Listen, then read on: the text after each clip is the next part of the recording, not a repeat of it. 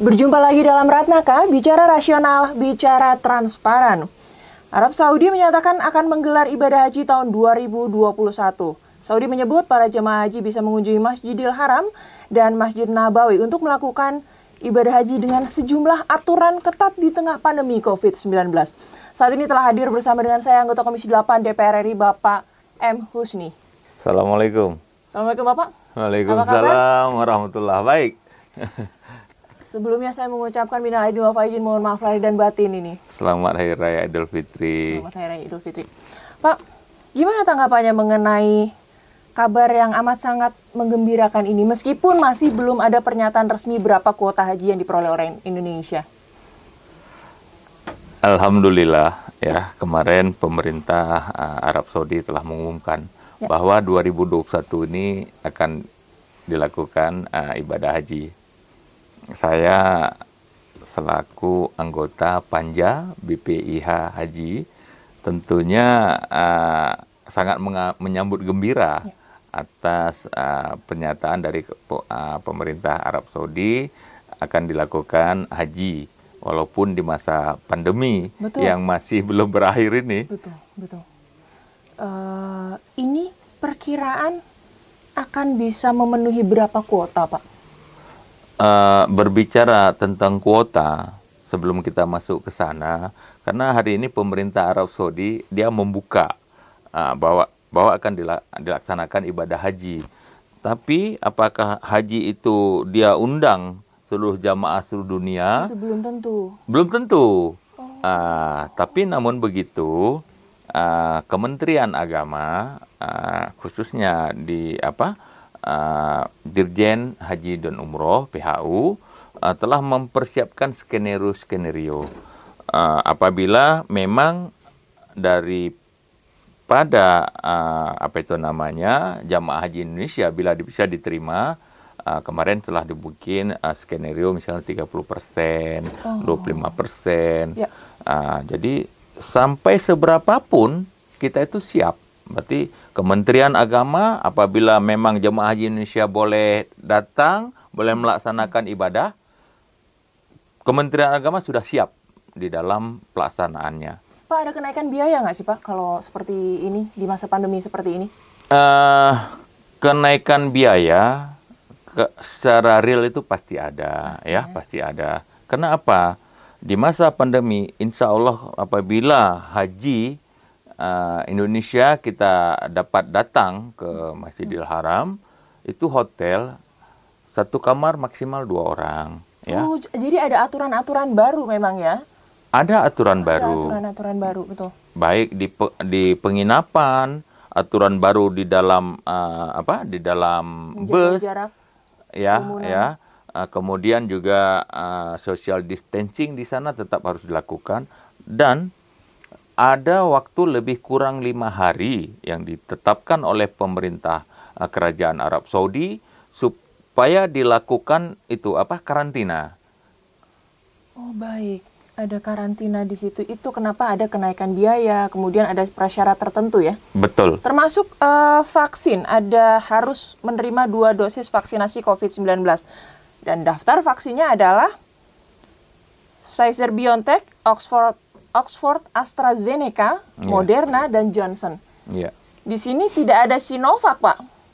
Uh, yang mayoritas diperoleh oleh masyarakat Indonesia kan vaksin Sinovac itu bagaimana ya Pak kalau seperti itu? Apakah harus ada vaksin ulang atau seperti apa gitu buat jemaah haji enam bulan sebelum mereka melakukan ibadah haji atau bagaimana Pak? Begini, uh, waktu dikeluarkan vaksin termasuk Sinovac, ataupun yang vaksin-vaksin uh, dari merek-merek lainnya ya. itu kan pertama itu kan dari WHO tuh kan belum ditentukan apa itu namanya apa pertama ya standarnya untuk COVID ya. kemudian kan mungkin ada pendaftaran ulang yang mungkin uh, Sinovac ini sendiri mungkin belum melakukannya ya hmm. uh, namun uh, kita pemerintah Republik Indonesia apabila haji dibuka kita tidak akan bercerita masalah uh, merek daripada vaksin itu sendiri, tapi bahwa vaksin itu sendiri sudah dilaksanakan untuk para oh. jema calon jemaah haji yang ada uh, di negara kita. Betul betul. Jadi yang jelas adalah para jemaah haji sudah melakukan dua dosis vaksinasi. Dua dan kali, iya. Dua kali dosis vaksinasi dan pemerintah Indonesia sudah akan menjamin itu. Gitu, iya. seperti itu ya. Betul. Untuk para jamaah haji. Untuk para jamaah haji. Pak, ini penting bagi DPR RI untuk memberikan masukan kepada pemerintah membahas dengan pemerintah Arab Saudi. Jadi antar pemerintah uh, membahas mengenai kuota haji, penyelenggaraan teknis, terutama soal kesehatan para calon jemaah haji, dan aspek-aspek lainnya di tengah adanya pandemi COVID-19. Ini rencananya akan ada uh, pembicaraan lebih lanjut nggak sih Pak? Uh, tanggal 17 kemarin penerbangan uh, Arab Saudi apa dia sudah buka ya uh, tentunya kita juga mendorong uh, Menteri Agama kita Betul. ya dia harus uh, melakukan lobby-lobby kepada uh, pemerintah uh, Arab Saudi dan juga uh, kalau kami dari DPR RI mengharapkan bukan hanya Menteri Agama tapi Menteri Luar Negeri ya seorang Presiden Jokowi dia harus melakukan lobby kepada uh, Raja Salman supaya Pertama, kita kuota harus maksimal. Kemudian kalau ada hambatan-hambatan kecil itu semuanya harus dimudahkan. Jangan misalnya seperti tadi gara-gara merek sebuah uh, vaksin itu jadi masalah. Uh, apalagi kita ketahui uh, bahwa pertama calon jemaah haji di dunia itu paling besar itu dari Republik Indonesia itu satu. Potensial itu ya. Potensial. Kemudian jemaah haji yang suka belanja juga jemaah haji Indonesia. Dan jemaah haji yang paling tertib juga adalah jemaah haji Indonesia. Jadi, Ini menarik, Bapak tahu informasi-informasi seperti itu dari mana, Pak? Apa karena Bapak Ketua Panja atau memang uh, sering ada obrolan-obrolan dengan uh, para jemaah haji ini, Pak? Kok kayaknya memahami sekali ini seperti apa figur-figur para jemaah haji Indonesia di Arab Saudi itu? Uh, pertama saya sudah melakukan haji mungkin sudah ada empat kali, umroh mungkin sudah sudah sering ya. Jadi apalagi berita eh, berita-berita di Arab Saudi tentang jamaah haji Indonesia itu bagus-bagus. Hmm. Uh, kemudian juga uh, perlakuan orang uh, Saudi terhadap jemaah kita juga bagus ya. Jadi saya pikir tidak ada alasan misalnya uh, untuk tidak menerima jamaah haji kita. Jadi namun begitu ya selaku anggota DPR RI tentu kita seperti tadi sangat mengharapkan uh, supaya pemerintah itu getsit ya. Formulasi apa sih yang terbaik yang bisa dilakukan uh, pimpinan tertinggi kita Presiden Republik Indonesia dan uh, Menteri Agama dalam hal untuk melobi pemerintah Arab Saudi. Kita ikuti dalam segmen 2 tetap di Bicara rasional, bicara transparan.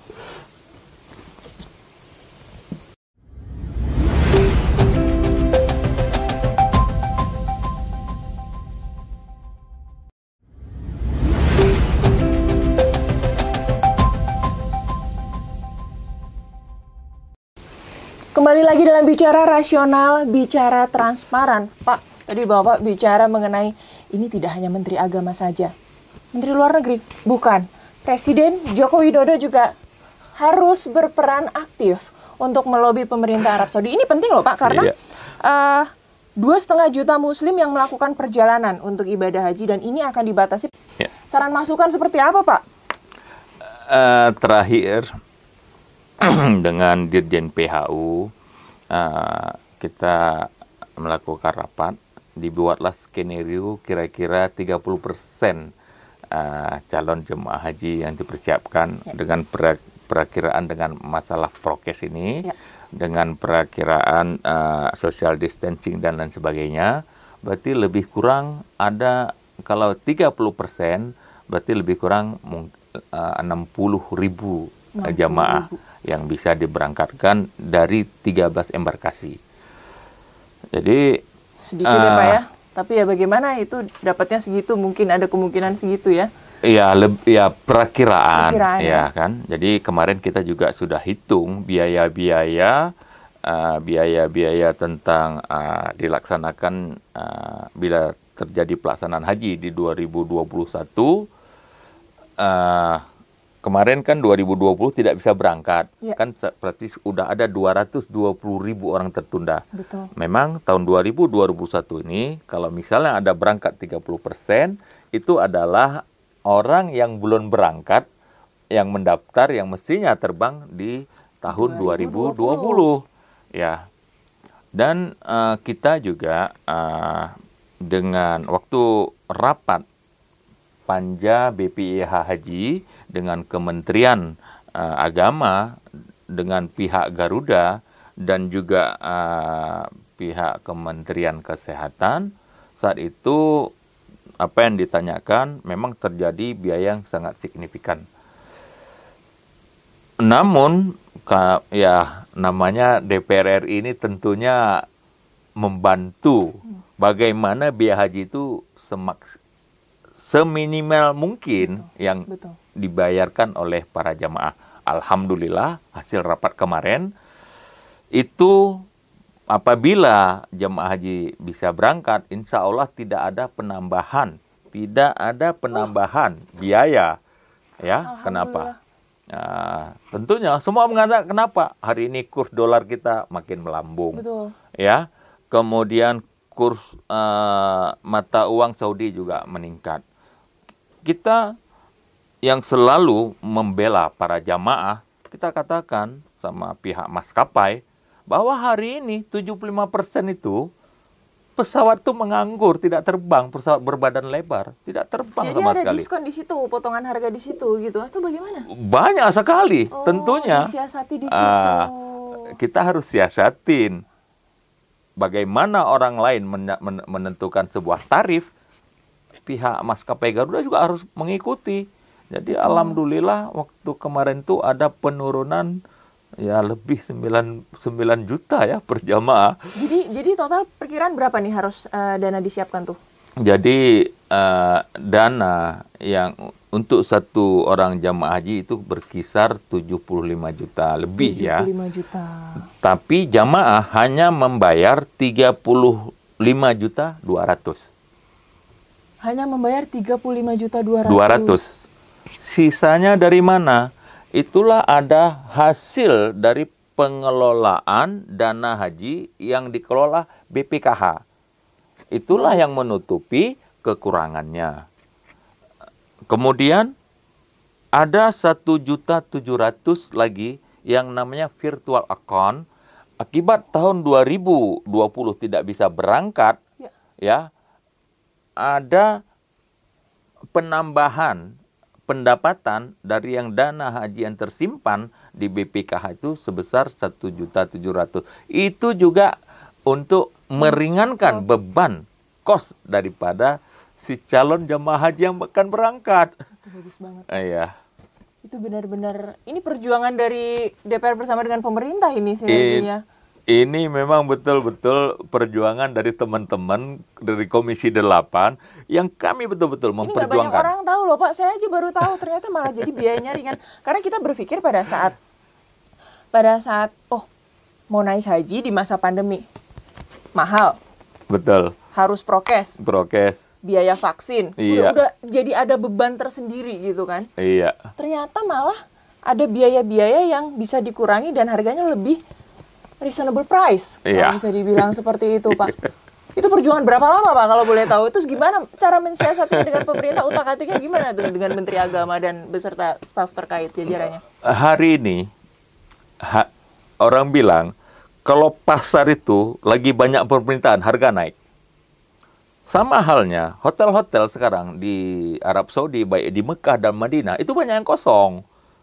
Jadi kita siasatin biaya hotel dan biaya akomodasi. Di Biaya situ hotel. kita siasatin. Biaya hotel, biaya Baik. transportasi, Baik. biaya pesawat, juga biaya makan. Kita siasati semua. Kenapa?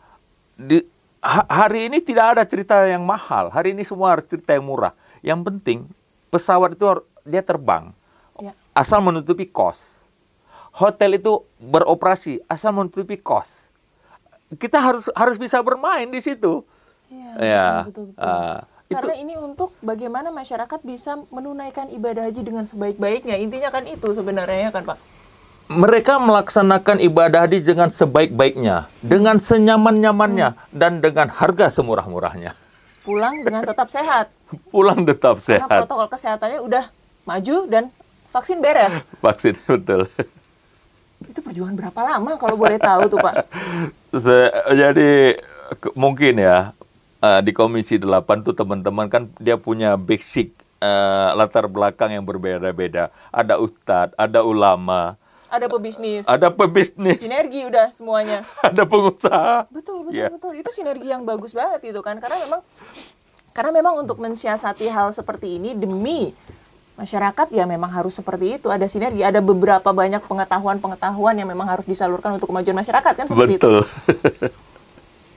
Itu benar-benar eh, kalau dari para ulama ustadz seperti apa Pak? Mereka juga senang nggak seperti ini? Oh, sudah pasti. Kita bisa membantu umat, itu pasti mereka sangat senang. Cuma kalau kita pebisnis itu mungkin banyak banyak banyak indera keenam dan juga banyak siasat mungkin ya. Matematis ya. Ya, Ada matematis. matematis yang memang membantu Betul. untuk kemajuan-kemajuan seperti ini ya Pak ya. Betul. Kalau dari Menteri Agama sendiri sudah ada komunikasi dengan Bapak Eh, dari untuk isu mengenai ibadah haji yang sudah mulai dibuka oleh pemerintah Arab Saudi ini? eh, saya mendapat kabar bahwa dalam minggu ini itu Menteri Agama berangkat ke Saudi ya. Oh, Pak Yakut ke Saudi. Iya, eh, dan minggu ini eh, juga dalam upaya melobi eh, pemerintah eh, kerajaan Saudi supaya kita betul-betul dimaksimalkan eh, untuk bisa eh, datang ke tanah suci. Kira-kira bagaimana, Pak? Kuotanya dapat lah ya. Ya kita saya tidak berani berandai-andai di sini ya kan, Eh, karena Karena hubungan diplomatik Indonesia dengan Arab Saudi kan juga sangat baik ya. Kalau kita bilang sangat baik, sangat baik sekali. Tidak pernah seorang Raja Salman datang ke sebuah negara seperti ke negara kita Indonesia itu sampai hitungan minggu ya, Iya. ya. Eh, jadi itu tidak pernah. Itu menandakan bahwa eh, kerajaan Arab Saudi itu sebetulnya sangat care dengan eh, kita pemerintah Indonesia. Tinggal kitanya bagaimana memaksimalkan. Memaksimalkan bagaimana hubungan diplomatik yang baik itu ya kan. Betul. Pak, eh kalau dari Komisi 8 nanti kalau misalnya Pak Yakut sudah kembali dari Arab Saudi apakah akan mengadakan rapat kerja untuk membahas mengenai ini secara lebih lanjut? Eh, sudah pasti ya, karena apa pun ceritanya, apa pun hasilnya yang beliau bawa dari kerajaan eh, Arab Saudi, tentunya keputusan eh, pemerintah dan keputusan DPR itu harus sinkron, tidak Iya, boleh betul, mengambil eh, keputusan sendiri-sendiri. Karena DPR dan pemerintah memang harus bersinergi. Bukan berarti kita membebek ya kepada pemerintah, tapi Betul. ini sinergi yang bagus untuk kemaslahatan umat. Intinya kan itu. Betul. Kalau dari eh, Bapak melihat sebagai seorang Muslim, kita semua sebagai seorang Muslim gitu melihat hal seperti ini nih, ada secercah kebahagiaan nggak sih Pak di tengah pandemi? Ini hampir dua tahun loh Pak, pandemi COVID-19 dan mudik susah, balik pun susah, kemudian merayakan hari raya penuh dengan keterbatasan, terus pandemi banyak menghilangkan orang-orang yang kita kasihi, dan ada secerca harapan bahwa ibadah haji akan bisa diadakan. Nah, tentunya Itu kami gimana ya rasanya dan diperjuangkan loh oleh Komisi 8 dengan benar-benar seperti ini, itu bagaimana? Tentunya kami sangat senang sekali. Kalau ini betul bisa terlaksanakan. Pertama, Komisi 8 telah membuat sebuah sejarah. Menurunkan biaya haji. ya Itu sejarah itu. Yang kedua, tentunya dengan dibukanya haji, pastinya mengurangi dap, memotong daftar tunggu kita. Ada yang 20 tahun, ada yang 30 tahun. Ya Allah. Nah, jadi sangat panjang sekali. Jadi tentunya kita sangat gembira sekali. Ya kalau boleh ya kita seluruh masyarakat Republik Indonesia ini berdoalah supaya haji dibuka dan ada jemaah haji Indonesia di sana. Karena banyak mimpi masyarakat yang memang ingin sekali menunaikan ibadah haji. Padahal masa-masa pandemi ini kadang perjuangannya memang berat ya Pak ya. Betul. Um, yang terakhir, ada dua terakhir ini, saran dan masukan Bapak bagi calon jemaah haji di Indonesia bagaimana Pak untuk mempersiapkan mental dan stamina. Kemudian closing statement Bapak sebagai wakil rakyat dari Komisi 8 DPR RI untuk ke depannya seperti apa ini penyelenggaraan ibadah haji insya Allah jika Indonesia mendapatkan kuota yang terbaik dari pemerintah Arab Saudi. Untuk para calon jemaah haji Republik Indonesia, walaupun secara resmi kerajaan Arab Saudi belum menentukan bahwa kita jemaah haji Indonesia bisa berangkat ataupun bisa berangkat dengan kota berapapun. Namun pertama, kita persiapkan mental kita bahwa kita tahu haji ini adalah rukun Islam yang kelima. Wajib satu kali seumur hidup bagi orang yang mampu. Kerinduan para calon jemaah haji saya dapat rasakan seperti apa. Tapi apabila memang kita menjadi tamu Allah nantinya di masa pandemi banyak langkah-langkah keterbatasan-keterbatasan yang akan kita hadapi. Pertama, kita akan melakukan uh, vaksinasi di dalam negeri setelah sampai kita di Arab Saudi, kita dikarantina lebih kurang lima hari. Divaksin ulang lagi. Kemudian setelah ini lolos semuanya, baru kita baru bisa melaksanakan ibadah-ibadah rukun-rukun haji. Itu pun dengan keterbatasan tempat, jarak, dan lain sebagainya